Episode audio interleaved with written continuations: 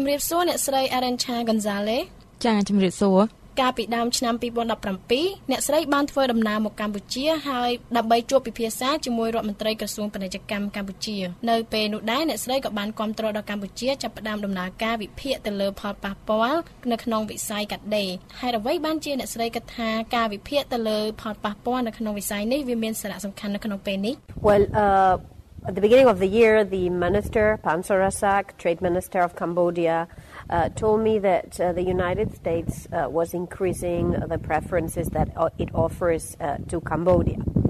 ចាប៉ិតណាស់នៅដើមឆ្នាំនេះលោកប៉ានសូសារដ្ឋមន្ត្រីក្រសួងពាណិជ្ជកម្មកម្ពុជាបានប្រាប់ខ្ញុំថាសហរដ្ឋអាមេរិកបានបង្កើននៅតម្រូវការនាំចូលពីប្រទេសកម្ពុជាហេតុនេះហើយលោកប៉ានសូសាចង់សហការជាមួយមជ្ឈមណ្ឌលពាណិជ្ជកម្មអន្តរជាតិដើម្បីទទួលបានប្រយោជន៍ច្រើនពីទំនាក់ទំនងពាណិជ្ជកម្មដែលសហរដ្ឋអាមេរិកផ្ដល់ឲ្យកម្ពុជានោះលោកប៉ានសូសាក៏ចង់ស្វែងយល់បន្ថែមពីឱកាសសម្រាប់ការនាំចេញរបស់កម្ពុជាទៅកាន់កន្លែងផ្សេងទៀតផងដែរអ្នកដឹងទេថាអ្វីដែលកម្ពុជាបាននាំចេញកន្លងមកគឺទំនងជាផ្ដោតសំខាន់ទៅលើតែទីផ្សារសហរដ្ឋអាមេរិកនិងអឺរ៉ុបប៉ុណ្ណោះទាំងវិស័យវិញ្ញាណភ័ណ្ឌនិងសម្ភារបំពាក់ហេតុនេះអ្វីដែលគួរតែចាប់អារម្មណ៍នោះគឺយើងគួរតែក្រឡេកទៅមើលការគ្រប់គ្រងអត្តសញ្ញាណពាណិជ្ជកម្មកម្ពុជាដែលមានគុណសម្បត្តិជាច្រើនចំពោះផលិតផលទឹកផ្លែឈើផ្លែឈើនិងបន្លែជាដើមដែលទាំងនោះសុទ្ធតែអាចនាំចេញទៅទីផ្សារអន្តរជាតិបានផងដែរតើអ្នកស្រីអាចបញ្ជាក់បានទេថាអ្វីទៅជាធាតុផ្សំឬជាលក្ខន្តិកៈដែលបានកំណត់នៅក្នុងការវិភាគទៅលើផលប៉ះពាល់នៅក្នុងវិស័យកាត់ដេរនោះ So it was not uh, an, an analysis of uh, what textiles and clothing ការវិភាគសានោះមានផ្ដោតសំខាន់តែទៅលើការវិភាគក្នុងវិស័យវិញ្ញាណភ័ណ្ឌនិងសម្លៀកបំពាក់ថាតើវាប៉ះពាល់យ៉ាងណាខ្លះចំពោះសេដ្ឋកិច្ចកម្ពុជានោះទេមែនតើទៅយើងសង្កត់ធ្ងន់ទៅលើថាតើកម្ពុជាគួរធ្វើយ៉ាងណាដើម្បីបើកទូលាយនៅឱកាសថ្មីថ្មីសម្រាប់សហគ្រាសខ្នាតតូចនិងមធ្យមហើយអ្វីដែលគួរចាប់អារម្មណ៍មួយទៀតនោះគឺខ្ញុំក៏បានជជែកពិភាក្សាជាមួយលោកនាយករដ្ឋមន្ត្រីហ៊ុនសែននាវេទិកាសេដ្ឋកិច្ចពិភពលោកផងដែរក្រុមហ៊ុននៅកម្ពុជាភាគច្រើនគឺសហគ្រាសខ្នាតតូចនិងមធ្យមក៏ប៉ុន្តែក្រុមហ៊ុនទាំងនោះភាគច្រើនមិនបានធ្វើការនាំចេញផលិតផលទៅក្រៅប្រទេសនោះទេពួកគេកំណត់យកត្រឹមតែទីផ្សារក្នុងស្រុកដែលមានអ្នកទិញជាពលរដ្ឋកម្ពុជាត្រឹម15លានអ្នកប៉ុណ្ណោះហេតុនេះសំណួរដែលកម្ពុជាសួរថាតើយើងអាចជួយអ្វីខ្លះដល់កម្ពុជាចម្លើយនោះគឺទីផ្សារនៅកន្លែងណាផ្សេងទៀតដែលកម្ពុជាអាចធ្វើឲ្យទីផ្សារកាន់តែសម្បូរបែបដើម្បីជួយដល់សហគ្រាសខ្នាតតូចនិងមធ្យមរបស់កម្ពុជាអាចឈានជើងចូលក្នុងទីផ្សារអន្តរជាតិបាន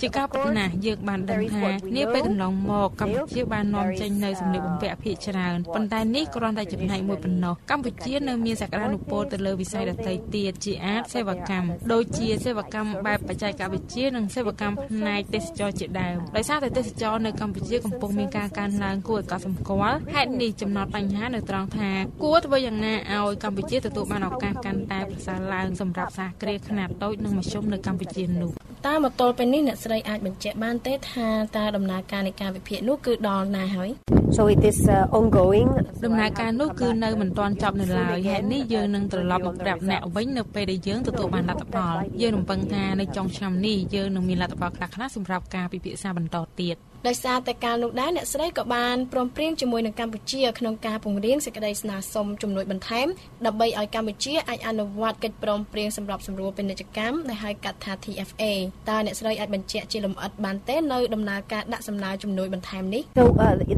WTO has uh, agreed uh, to simplify its customs ដោយសារតែអង្គការពាណិជ្ជកម្មពិភពលោក WTO បានយល់ព្រមឲ្យមានការសម្របសម្រួលដល់នីតិវិធីដោយឡែកចំពោះសមាជិកនីមួយៗមួយដែលគេហៅកាត់ថាកិច្ចព្រមព្រៀងសម្របសម្រួលពាណិជ្ជកម្មឬ TFA កិច្ចព្រមព្រៀងនេះគឺជាការកាត់បន្ថយចន្លោះពី10ទៅ15%ទៅតាមបណ្ដូពាណិជ្ជកម្មនៅតាមច្រកព្រំដែនផ្សេងគ្នាវាត្រូវធ្វើឡើងដោយប្រព័ន្ធពន្ធគយដោយស្វ័យប្រវត្តិយើងមានច្រកចេញចូលតែមួយដែលយើងនាំចេញនៅកន្លែងតែមួយសម្រាប់គ្រប់នីតិវិធីទាំងអស់វាខុសប្លែកគ្នាពីកិច្ចព្រមព្រៀង WTO មុនមុនកិច្ចព្រមព្រៀងសម្របសម្រួលពាណិជ្ជកម្មថ្មីនេះមានការយោគយល់ច្រើនដល់ប្រទេសជាសមាជិករបស់ WTO ទាំងអស់ដែលមានការលំបាកក្នុងការអនុវត្តកិច្ចព្រមព្រៀងនោះដោយខ្លួនឯងពួកគេនឹងទទួលបានជំនួយទាំងផ្នែកបច្ចេកទេសនិងថវិកាដើម្បីអនុវត្តកិច្ចព្រមព្រៀងនោះយើងមានអ្នកឯកទេសមកកម្ពុជាធ្វើការជាមួយរដ្ឋាភិបាលកម្ពុជាសម្រាប់កំណែតម្រង់មួយចំនួនក៏ប៉ុន្តែយើងក៏មានបញ្ហាខ្លះៗពាក់ព័ន្ធនឹងថវិកាផងដែរបីបើទំហំលុយនោះមិនច្រើនណាស់ណាក៏ដោយជាឧទាហរណ៍ការបង្កើតឲ្យមានច្រកចេញចូលតែមួយនៅលើប្រព័ន្ធអ៊ីនធឺណិតដែលគ្រាន់តែចំណាយទុនប្រមាណពាន់ដុល្លារអាមេរិកប៉ុណ្ណោះវានៅតែមានការវិនិយោគដោយមិនស្ទាក់ស្ទើរលើការចំណាយយបែបនេះដោយសារតែវាមានលទ្ធផលភ្លាមភ្លាមហើយចំណាយតិចសម្រាប់សហគ្រាសខ្នាតតូចនិងមធ្យមក្នុងការនាំចេញខ្ញុំមើលឃើញថាកម្ពុជាពិតជាទទួលបានផលចំណេញច្រើនពីការអនុវត្តកិច្ចព្រមព្រៀងនេះមិនមែនតែកម្ពុជាទេដែលទទួលបានផលចំណេញពីកិច្ចព្រមព្រៀងនេះតែសមាជិកទាំងអស់នៃ WTO គឺទទួលបានអត្ថប្រយោជន៍ពីការអនុវត្តកិច្ចព្រមព្រៀងនេះតើអ្នកស្រីយល់ឃើញយ៉ាងណាដែរចំពោះដំណើរការនៃពាណិជ្ជកម្មសេរីនិងស្មារភាពដែលប្រព្រឹត្តរវាងកម្ពុជា និងដៃគូពាណិជ្ជកម្មនានាពិសេសនៅក្នុងវិស័យកាត់ដេរ You see I don't uh, generally like to talk about free trade. I like to talk about open